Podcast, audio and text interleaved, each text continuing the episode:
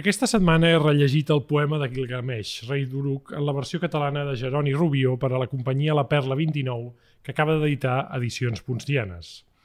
Avui dediquem l'illa de Mayans al que és no només un dels primers poemes èpics de la tradició occidental, sinó a un dels primers textos de la nostra civilització, uns versos esculpits en tutxanes d'argila que tenen quasi 5.000 anys i que ens parlen d'emocions, efectes i històries fonamentals en la nostra manera de ser.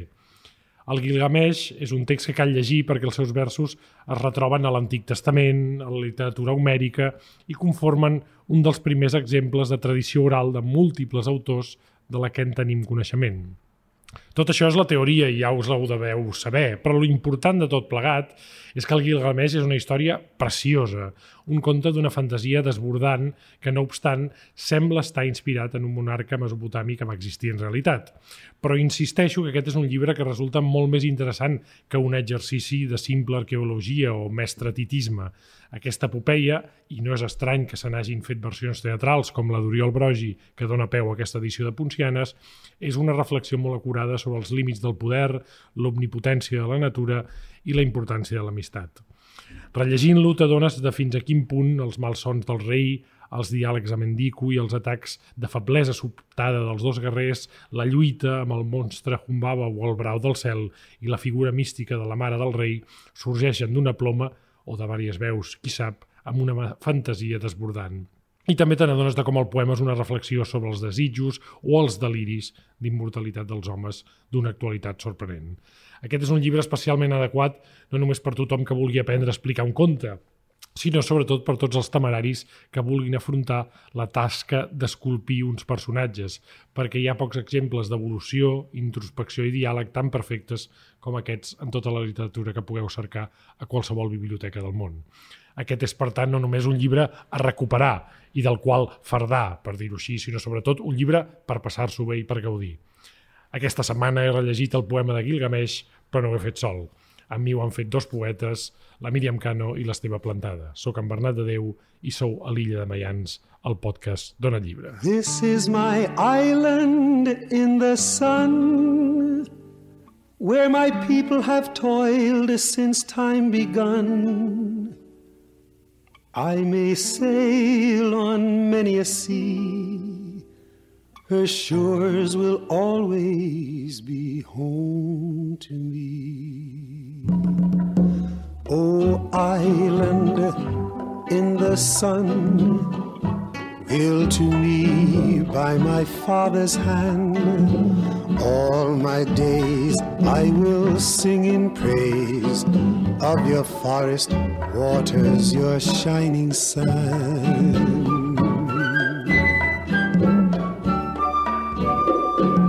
Què tal, Míriam? Com estem?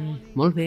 Senyor Plantada, Molt bé. benvingut, ben retrobat. Gràcies. I tenim amb nosaltres, que ens fa molta il·lusió, en Jeroni Rubio Rodon, que ha fet la versió d'aquest Gilgamesh. Jeroni, benvingut a la nostra illa. Moltes gràcies. De versions del Gilgamesh n'hi ha moltes, tu n'hauràs eh, consultat moltes a l'hora de fer aquesta versió, però hem d'explicar bàsicament que aquesta versió té un origen, abans ho deia, un origen teatral. Eh, com t'arriba a tu el text, què en sabies abans, com t'ho proposa l'Oriol? Explica'ns una mica la intrahistòria que hi ha aquí. Sí, amb l'Oriol Brogi, hem, hem, de, històricament, des del 2005, o sigui, ja fa una pila d'anys, que anem fent cada dos, tres anys, anem fent alguna obra clàssica, sempre eh, d'aquest gènere, per dir-ho així. I aquesta vegada ell va rebre l'encàrrec de, de fer la inauguració del, del grec de l'any 2019 i va pensar en fer el Gilgamesh, una obra que a ell li voltava pel cap, sempre ho explica amb la seva família, amb el seu pare, i em va fer l'encàrrec de dir, escolta... per què Ell no diu fem- al pròleg que, que la tenia a casa. Ah, exacte, eh? que la tenia a casa, era, era una d'aquestes coses que veus a la llibreria de casa i una, una conversa familiar li va sortir amb el seu pare de dir, ostres, per què no fas un Gilgamesh, que és una, una obra, com ho has explicat també, Bernet, ara en el teu principi, una obra fonamental no? per, la, per la literatura occidental, occidental i, i més enllà. Sí. I llavors eh, el- l'Oriol es va posar en contacte amb mi, jo del Gilgamesh en sabia ben poca cosa, i, I, no, I no podies traduir l'original, no eh? aclarim. Això, eh, aclarim. aquest és el gran, el gran hàndicap i és una de les coses, de fet, que amb l'Oriol sempre, sempre discutim, parlem més aviat que discutim, d'intentar, tot i no poder traduir de l'original, perquè jo no sé Acadi, penseu que aquesta, aquesta obra es va escriure originàriament amb Acadi, inspirada amb, amb el amb sumeri, sigui que és una cosa que ve de lluny i complicada. Aquí tenim uns professors de la Universitat de Barcelona que han fet una versió boníssima, absolutament acadèmica, aquesta com il fo, en el sentit que no es deixa ni una coma, i que és direct, directament traduïda a l'acadi. No és el nostre cas, però com, com també molt bé deies, el que sí eh, que faig és um, capbussar-me fins al fons en tota, d'alguna manera, en tot el corpus que tenim gilgamesià mm -hmm. per intentar fer la nostra versió, que és una versió que sempre intenta, espero que ho aconseguim, respectar eh, els originals, fins i tot aquesta coma que els acadèmics posen. El que passa és que és un text que ha d'estar al servei, en aquest cas, del teatre. És a dir, que és un punt diferent fer una versió, un text que pensat per dir en un escenari que, que qui l'està llegint al sofà de casa. Mm -hmm. I és potser aquesta la diferència Igualment principal. hi ha una concomitància que a mi em sembla molt, molt interessant i ara, i ara en parlarem també amb, amb l'Esteve i amb la Míriam, és que en el fons aquesta no deix... mentre jo la, la llegia la teva versió eh, estàs, tens la impressió de llegir una rondalla, no? Però això ho connecta també amb el teatre. És a dir, quan expliquem un conte, quan expliquem una rondalla, no només fem de narradors, Totalment. fem, fem d'actors, no? És que aquí més que mai hem de pensar que aquest, que aquest Gilgamesh té un origen oral i, per tant, de fet, era teatre en els seus orígens. Exacte. Perquè era una oralitat i per aquí, aquí per exemple, els, els poetes aquí ens ho acabaran d'explicar, de, però aquestes repeticions que fa el text, una cosa de l'oralitat, que també dona un ritme, un, un, un ritme constant, perquè, com veureu, aquest, aquest llibre no és en, en prosa poètica, no és en vers.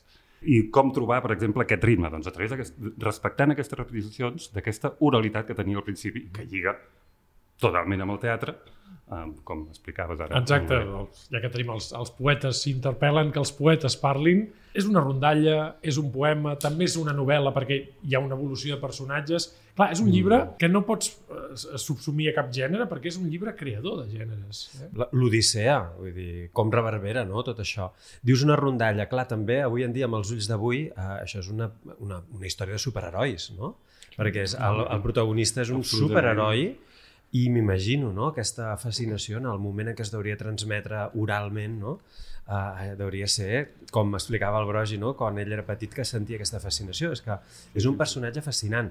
A mi sempre m'ha interessat molt, Gilgamesh, no? em resulta molt fascinant, molt magnètic, perquè, primer perquè per això, no? aquesta component superheroic, l'altre, el, el que ja es tracten els temes fonamentals de la condició humana, que és la, la, que tenim una data de caducitat i com es podem fer-ho per revertir-ho, no, això? Uh -huh. Clar, vull dir, aquest és el tema. I de les animalades que fem per intentar no revertir-ho, eh? Sí, que jo diria que és, és, és un dels temes importants. I a més a més, crec que nosaltres, poemes eh, o, o relats èpics com el, com el Gilgamesh o, o altres, altres cosmogonies, diguem-ne, a mi el que m'interessa molt és que nosaltres venim d'una tradició sobretot cristiana, no? que és una tradició de domini de la natura, d'un Déu creador que separa la foscor de la llum i aquí hem de, de retre culte i, i homenatge, no? I llavors la idea... Sí, sí, una relació vertical. No? La idea de l'acció de l'home, no? d'aquesta creació que també és en mans de l'home i que justament en el Gilgamesh jo, no sé si estareu d'acord, no? El que hi veig sobretot és aquesta supeditació de l'home a les forces de la natura, justament, en contra de la nostra tradició, no? que és una tradició eh, en què jo crec que les coses van com van sovint perquè ens han fet creure que podem dominar uh, la natura, perquè si el nostre Déu uh, ho fa, no? des de la tradició occidental, per què nosaltres no? no? Llavors, aquest tipus de, de, de cosmogonies i de, i de poemes de l'antiguitat, penso que ens donen una lliçó molt important, no? que és que estem absolutament supeditats a les forces de la natura i que difícilment hi podrem res en contra. Mm -hmm. I també els nostres propis límits. Els Quan límits, parlem de la natura exacte. també parlem dels límits. Jeroni, suposo que, que a l'hora de, de fer-ne una versió teatral, el primer que et devia impressionar, a mi m'ho va impressionar, és la teatralitat del personatge. És a dir, el, el, aquest rei, expliquem una mica també pels nostres oients, perquè parlem del Gilgamesh com si fos una cosa que coneix tothom, però aquesta és la història bàsicament d'un rei tot poderós, que té subjugat el, el seu regne, i eh, al qual li sorgeix un, primer un rival, eh, que, és un, que acaba sent un millor amic, amb el qual eh, després, el qual després mor i després ell, eh, colpit per la mort d'aquest mm. company, busca el desig d'eternitat. Però a mi el que em va sorprendre primer, amb molts temes, és l'escriptor o els escriptors d'aquest text, perquè vés a saber, no? els recitadors, construeixen un, un personatge molt complex, eh? que Molt. té una evolució dramatúrgica. Totalment, a mi això em va fascinar des del, des del primer moment. Sembla que quan consultes els experts és realment un, un autor col·lectiu. Aquests, aquests textos no passava d'escola de, de, d'escola en escola, que és curiós que en tenim diverses versions perquè a cada escola li interessava copiar un trosset i per, gràcies a això podem recuperar una tutxana, com tu deies, uh -huh. aquí en aquest tros del desert o en sí, aquella sí. ciutat d'allà. I realment el que deies és que és, és fascinant com aquest text um, uh, admet avui tantes lectures i admet aquesta teatralitat des del, des del minut 1. En aquest sentit, eh, el que deies, apuntaves molt bé, de les forces de la natura, el personatge d'en Quido a mi em té absolutament meravellat. Uh -huh. I és, això sí que és fer un gir a la nostra, a la nostra manera de pensar, que ell se civilitza, en Quido, eh, us heu de situar, és el personatge que d'alguna manera contrarressa aquesta força tan desmesurada del rei Gilgamesh. I és un personatge fet de la natura i que és natura en si mateix.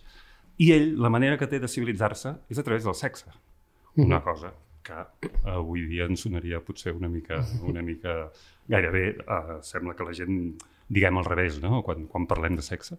I no, en aquest cas, ell, a través del sexe, barra mm, amor, això uh -huh. cada, cada oient ho considerarà com vulgui, ell se civilitza. És una, és una qüestió fascinant, aquesta. Ah, I és molt curiós en aquest sentit, no? perquè la, la religió catòlica, que és la que té la tradició més llarga, jo tinc la teoria, o segur que algú altre ho ha dit, no? però justament això que dius de, del el sexe és l'única força creadora que tenen els humans eh, respecte a Déu, no? i per tant la nostra tradició cristiana d'alguna manera eh, aquest poder eh, creador el supedita al servei de, de Déu. No? Llavors, en els herois antics, en els herois èpics, no? en aquests relats sí. més, més èpics, eh, justament aquesta força creadora eh, humana és, és una de les qualitats més essencials Sí, de la condició sí, humana. No? totalment. Però en aquest sentit també és molt interessant veure exactament l'altra cara, que l'altra cara, que, i per això animo els lectors a llegir el Gilgamesh, és que ens parla de les miserietes humanes, també, mm -hmm. com també Bernat has dit molt bé al Mhm. principi. I això és una cosa molt interessant.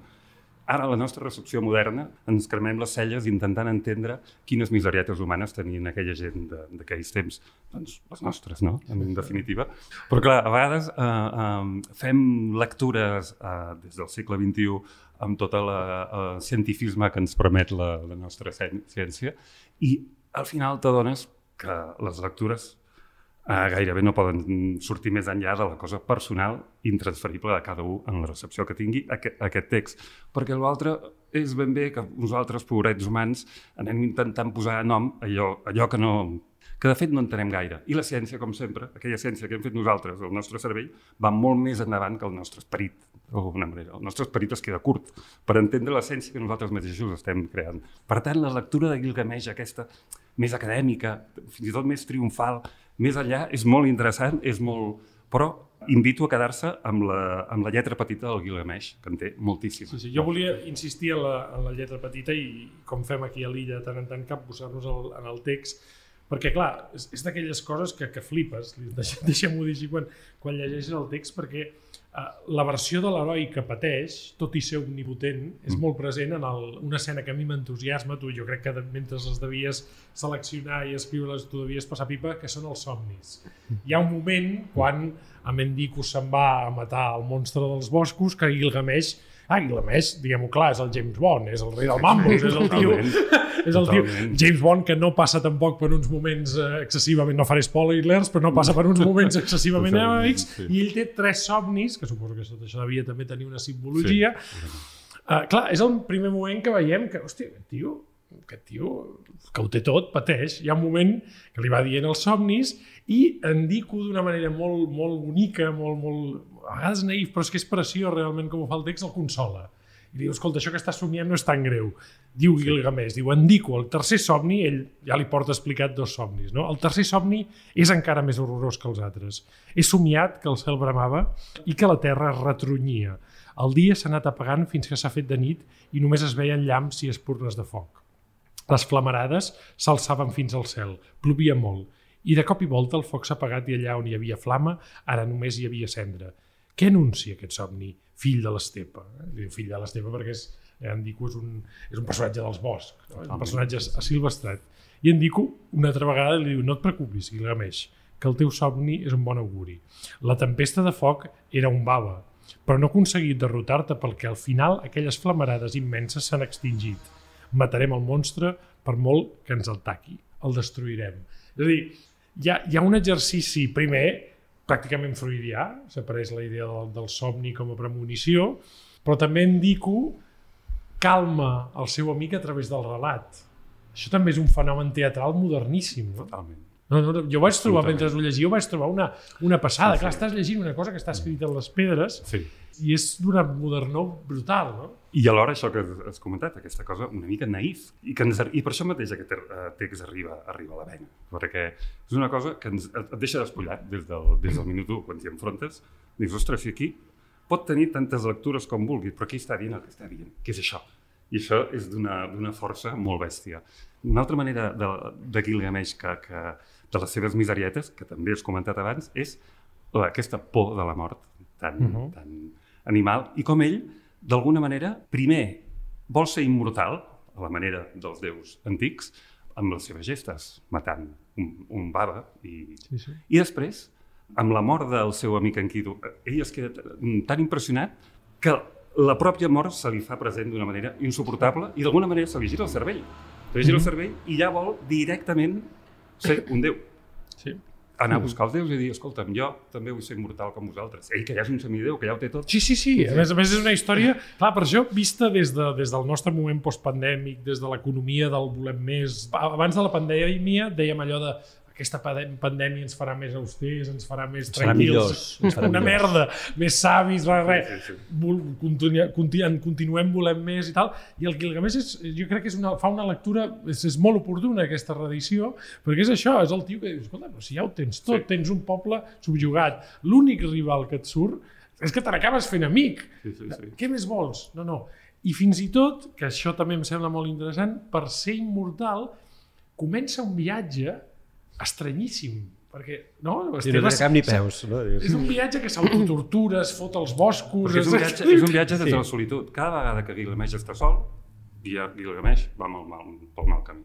I és curiós. O sigui, Sí. Això també és un, un, una cosa, si volem llegir-ho amb, com, amb clau postpandèmica, si us plau, anem més a la una, que potser serà la... Perquè ell, com a, com a rei sol, tortura el poble i és un infeliç.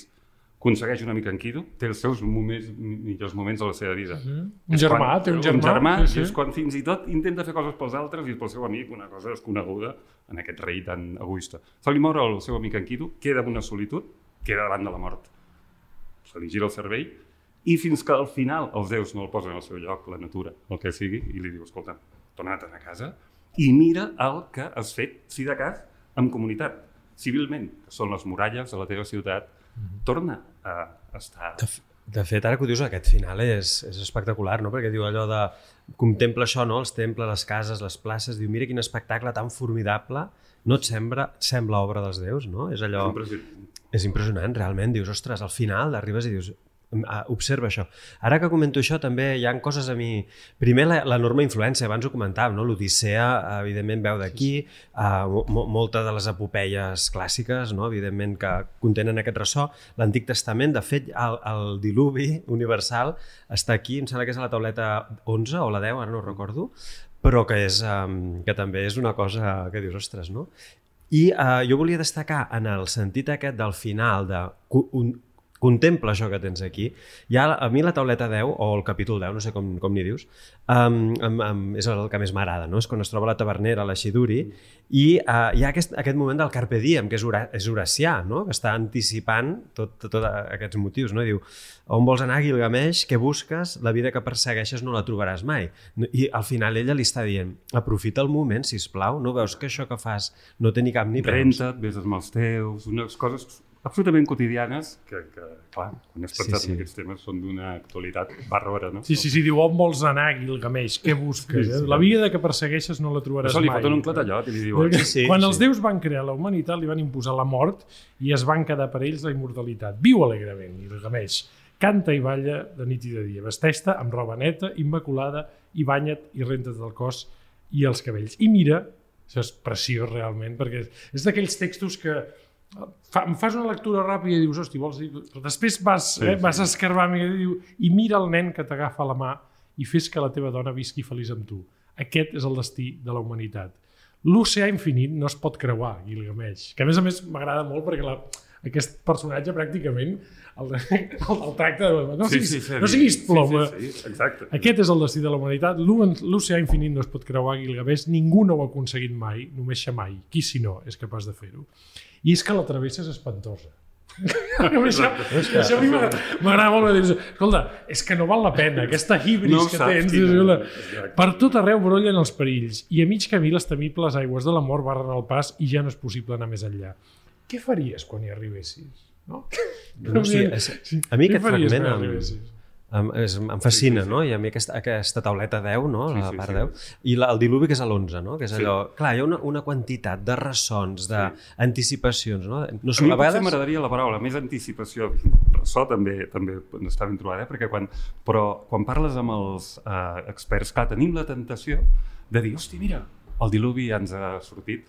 I me'n recordo que ens explicaven molt bé els professors de la universitat que es posaven en aquest cientifisme, que inevitablement també hi anem, que diu, no, no, aquest diluvi no, no tenim cap prova que el diluvi bíblic sigui aquest. L'única prova que tenim és que diverses cultures en diversos moments, l'Azteca, la Mesopotàmica, tenen un, uns, uns mites comuns, que pot ser la pròpia manera de funcionar humana, o encara no ho hem demostrat, un, una unió entre, entre una tradició i l'altra. Però, científicament, no podem dir que el, que el, que el diluvi um, de la Bíblia estigui, uh, begui, s'inspiri amb el de Gilgamesh. De, Sí, sí. I al final... Que l'anticipa, potser, si al- així obert, I al final, si no, si no ho podem descobrir, i què? I què? Saps? Absolutament, Tenim- absolutament. És- Tenim, tenim els... Jo una cosa que, Totalment. que et volia preguntar de cara a aquell espectacle que molta gent no va veure és, és una mica quan tens la, la versió del text eh, vas formar part també dels assajos amb els Sí, actors això és i la- eres... Perquè clar, això ha de ser una delícia, perquè aquest text que jo acabo de llegir, diguéssim, jo ara l'he llegit amb un to, diguéssim, on el personatge femení se'n fot una mica el Gilgamesh. Aquestes són les tries dramatúrgiques que deuen ser interessants, no? Totalment. És a dir, tu, tu tens un, un, un material, però clar, a partir d'aquí s'ha de fer veu. S'ha de fer veu i aquesta és la manera que, que treballem l'Oriol, perquè això jo crec que tots dos treballem el gust l'un amb l'altre, és perquè amb aquesta, aquest respecte que, que tenim tant jo com el, el, el director eh, de l'obra, em poso en el primer terme perquè jo primer porto la matèria primera i després ell la rep i la fa circular, és un respecte absolut a l'obra original. I això és fascinant que aquí els actors d'alguna manera s'han d'adaptar a aquest text. Sí. I jo, des del minut 1, soc en els escenaris, primer fent una lectura en una taula, us heu d'imaginar tot des- d'actors llegint com cadascú pot el Gilgamesh, i després allò que se'n diu de posar-se drets, que és passar a l'escenari i començar a dir el text ja amb una mica d'intenció. Uh -huh. I aquí... És a dir, primer, primer us vau reunir, vau fer una lectura Exacte, de taula, una lectura, com, i aquí com si cada- estiguéssiu fent un Exacte, text, i a partir d'aquí vam dir, nois... Cada actor s'ha de fer què, seu- Què, fem ara? Exacte, què fem ara? Ara heu entès el text, heu entès ben bé d'on venim, on anem, doncs ara l'hem de dir. I l'hem de dir amb l'esperit de l'obra. És a dir, aquí us heu d'adaptar i eh, la, en aquest sentit la, la meva feina com a adaptador és portar el text i posar-lo també al servei dels actors que pobres po, eh, feina tenen. És a dir, que si en algun moment hi ha algun actor que s'encalla, sempre pots anar jugant amb aquest respecte escrupolós al text, però dir, home, si t'has encallat dient casa, diem edifici. Oh, no, no, no, no, ens, No ens hi- no ens no ens barallarem. Però no em diguis cabana. A vegades pot passar això. Hosti, jo no puc dir-te cabana, no. No, no, has de dir edifici. També és que jo ara estava forma, no? recordant l'obra, el, el grec, que jo diria que tots la vam, la vam veure, i realment que això tingui forma ara mateix, no? en, en el text imprès de prosa, eh, no vol dir que tot el que és declamat en l'obra mateixa no sigui absolutament poètic, no? perquè tot té aquest sentit, molts cops d'invocació, de, no? Aquest, aquest, aquesta cosa que es va... Ritme, com deia, Exacte, i- que es va concebre... Ho treballen molt, clar. Exacte, i es va concebre, jo penso, i corregeixem si m'equivoco que tu hi eres, no? però jo diria que l'obra mateixa estava concebuda també des, d'aquest, des de totes aquestes tècniques de l'antiguitat, no? des de la captatio de, Sí, dels principis, totalment. les invocacions, les, les converses amb els Totalment. déus, llavors tot agafa una volada que és molt més poètica Sí, que sí, sí, teatral, no? i fins i tot els diàlegs entre els personatges no són diàlegs picats, són diàlegs llargs, Sí. són explicatius. Sí, però això era una aposta arriscada, que crec que aquí l'Oriol va ser molt valent i el mateix grec de voler inaugurar un, un, un, un festival tan important amb una obra tan arriscada. I, i realment és, és, però crec que ha d'existir coses així com crec que l'editorial Poncianes, que uh, s'ha llançat a, a, a publicar el text, també té molt mèrit i és molt oh, valent. I, i l'aplaudim, i l'aplaudim perquè... un, una edició preciosa, unes fantàstica. fotos molt com, maques. Com sempre, com sempre sí, les edicions de Poncianes sí, sí. Són, un, són, un, són un goig.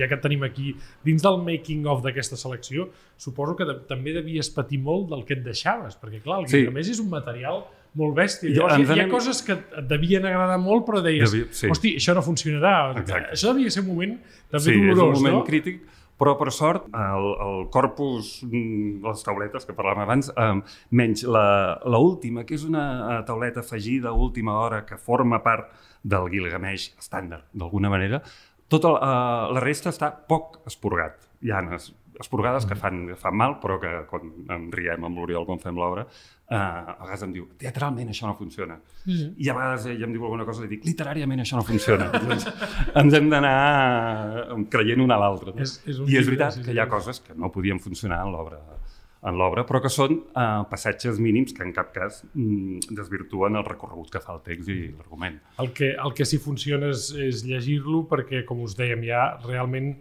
jo diria que amb, amb, amb, és molt difícil amb 70 i escaig pàgines que té aquest llibret preciós, com deies tu, que a més a més té imatges de la, de la producció al grec, que són molt boniques, amb, amb aquella sorra que l'Oriol sempre sí. porta tot arreu, eh, perquè la sorra és una marca, sí, de, la, una marca, una marca una de la casa, aquella sorra sí. eh, deu estar, espero que estigui ben guardada Home, als quarters de la, de la Perla 29. Eh, doncs és, amb, amb, amb tan poc espai és molt difícil tractar tants temes, eh? diguéssim, la, la temeritat, la, la por a la mort, la voluntat de ser immortal en un, en un relat i per tant nosaltres a, a l'illa de Maians volíem deixar constància de que aquesta edició és molt bona notícia, de que la teva versió és molt bona notícia, perquè a més a més jo crec que això pot engrescar a que altres adaptadors ho facin amb altres textos, no? que jo considero molt... La, sí. la feina la feina d'adaptar un text clàssic al teatre jo trobo que és molt difícil perquè la gent es mm. pensa, no, no, això retalles una mica, no, no, no, no, no aquí t'hi has passat molt, eh, molt, sí, sí. t'hi has passat amb, sí, sí. amb, amb, amb, amb, aquest heroi, de feina, això, amb aquest heroi t'hi has passat molt temps i jo crec que aquestes feines s'han de recompensar i per tant, Geroni, t'agraeixo moltíssim que hagis vingut i que ens hagis parlat d'aquestes intrahistòries de, de, de, tant de bo el poguéssim tornar a veure aquest Gilgamesh, que seria fantàstic perquè, per què no dir-ho, eh, les obres de teatre estan per veure-les, però es poden repetir, que és una cosa que sí, passa. ho dèiem. Que eh, els països normals passen. Va ser tan efímer, tan efímer que... No, no passa res, ja ens agrada si l'alt efímer, però home, no tant, no, no tant. tant. No tant. Repetim-ho, que de tant en tant va bé, i llegiu aquesta, aquesta edició, i d'aquí una mica més Illa de Maians, Gràcies de Geroni. Espero que quan tornis a fer... No sé si estàs fent una adaptació. No, ara dir. mateix estic en els dos anys pas. Doncs va, qui necessiti, per això qui necessiti un adaptador es pot adreçar. adaptador de clàssics fins a Grècia arribes de sí, sobres, no? Sí, sí, Grècia va bé, I no? Més, i més, jo I més, i més, i més, i més. De Roma podríem rascar alguna cosa. Eh? Ah, escolta, ja, ja teca. Uh, Míriam, Esteve, moltes gràcies. Moltes gràcies. gràcies.